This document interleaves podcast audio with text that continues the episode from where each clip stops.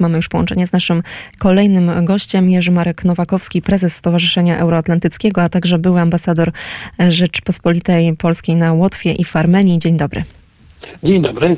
Panie ambasadorze, zanim skomentujemy sytuację na froncie w takim nieco szerszym spojrzeniu, to jedno pytanie mm, do pana jako do mm, dy dyplomaty. Wczoraj odbył się duży protest przed ambasadą e, Rosji e, w Warszawie. Jeżeli chodzi o te główne postulaty, to były, mm, to były hasła dotyczące natychmiastowego odwołania ambasadora e, Rosji w Polsce.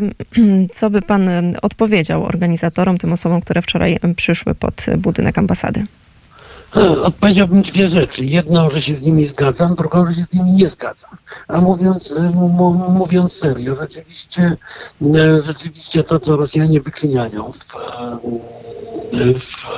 w, czasie wojny z wytaczonej Ukrainie, jest skandalem wyczerpującym właściwie znamiona ludobójstwa i należałoby cywilizowany świat powinien zerwać z Rosją kontakty. Z drugiej strony Rosja jednak jest mocarstwem atomowym.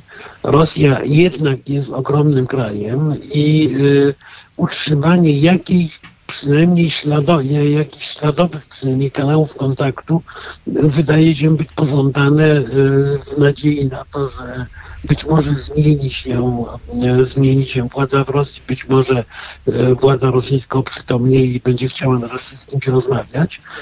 Więc o ile z punktu widzenia moralnego takiego, to niewątpliwie stosunki dyplomatyczne z Rosją są rzeczą nieprzyjemną, o tyle z punktu widzenia technologii dyplomatycznej myślę, że nie warto wszystkich mostów palić i, i potem poszukiwać kontaktu z Rosjanami, ja wiem, przez ambasadę chińską.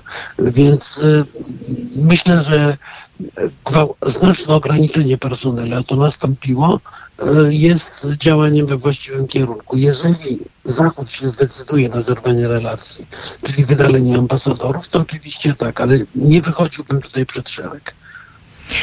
Panie ambasadorze, a co z tymi groźbami, które w ostatnich dniach, można powiedzieć, że cały czas się nasilają, groźbami dotyczącymi użycia broni atomowej na terytorium Ukrainy? Mamy e, odpowiedź, to jest też dzisiejsza wypowiedź Jensa Stoltenberga, który e, zaznaczył, że sojusz monitoruje te działania, ale też, że w przyszłym tygodniu NATO planuje ćwiczenia e, odstraszające. Czy to jest pańskim zdaniem wystarczająca odpowiedź? E, moim zdaniem nie. Ja od dawna tu w tym wypadku jestem Jaskrzębiem. Uważam, że Sojusz Północnoatlantycki powinien e, znacząco wzmocnić swoją obecność na wschodniej flance, tak żeby ona stanowiła realne zagrożenie dla Rosji.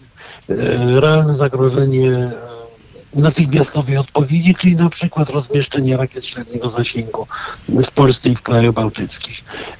No i oczywiście, i oczywiście powinno się znieść ograniczenia, które de facto istnieją w dostawach różnych rodzajów sprzętu wojskowego na Ukrainę. Rosjanie przekroczyli już wiele czerwonych linii, natomiast groźby atomowe, no, to jest ich ostatni argument, który mają tak naprawdę, bo e, nic poza tym Rosjanie już w swoim e, portfolio e, gruźb, które mogą wysunąć pod adresem Zachodu nie mają. Oczywiście jest to realne zagrożenie. Jest to zagrożenie atakiem nie tylko na terytorium Ukrainy, umówmy się, oni mogą uderzyć w różnych miejscach, natomiast natomiast no, jeżeli się damy przestraszyć, to już przegraliśmy.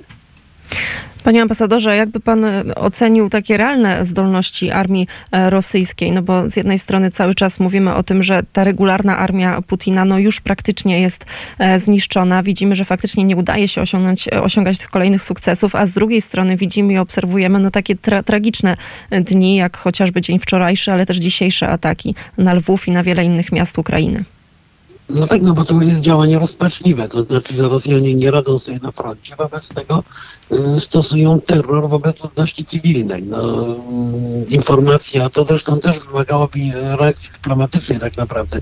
Informacja, że zamówili ponad 3000 tych dronów z Iranu, oznacza dwie rzeczy. Po pierwsze, że oni sami ich nie potrafią wyprodukować, ale po drugie, że y, mają w planie kontynuowanie tego typu terroru skierowanego przeciwko cywilnej ludności, cywilnej infrastrukturze.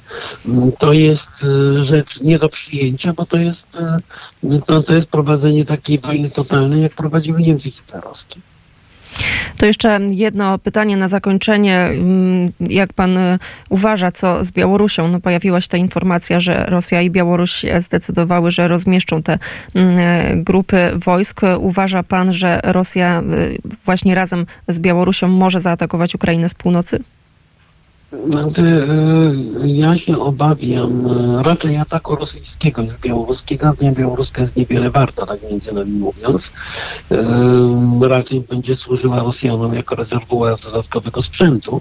Natomiast, natomiast ja się obawiam nie tylko tego. Ja się obawiał również jakichś prowokacji ze strony białoruskiej wobec Polski czy wobec krajów bałtyckich. Proszę zwrócić uwagę, że znaczna część grup bojowych ma być rozmieszczona wzdłuż granicy północnej i zachodniej Białorusi, nie tylko nad granicą z Ukrainą. Wobec tego e, ta rosyjska doktryna deeskalacji przez eskalację może być e, zastosowana właśnie do tego, żeby, Białorusini posłużyli jako narzędzie prowokacji wobec, wobec NATO. Rosjanie sami terytorium NATO raczej nie zaatakują, ale jeżeli zaatakuje Białoruś, to nie będzie miała z tym nic wspólnego.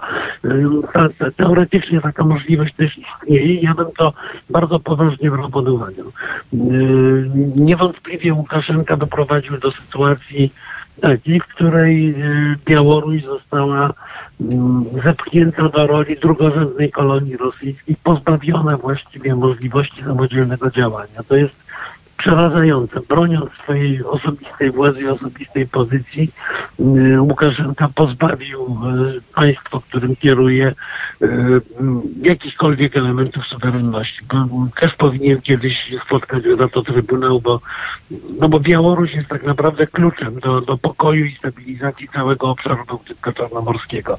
Bez Białorusi będzie, będzie sobie bardzo trudno poradzić, Białoruś w tej chwili została, została przez Łukaszenkę sprowadzona do roli, do, do, do roli rosyjskiej kolonii.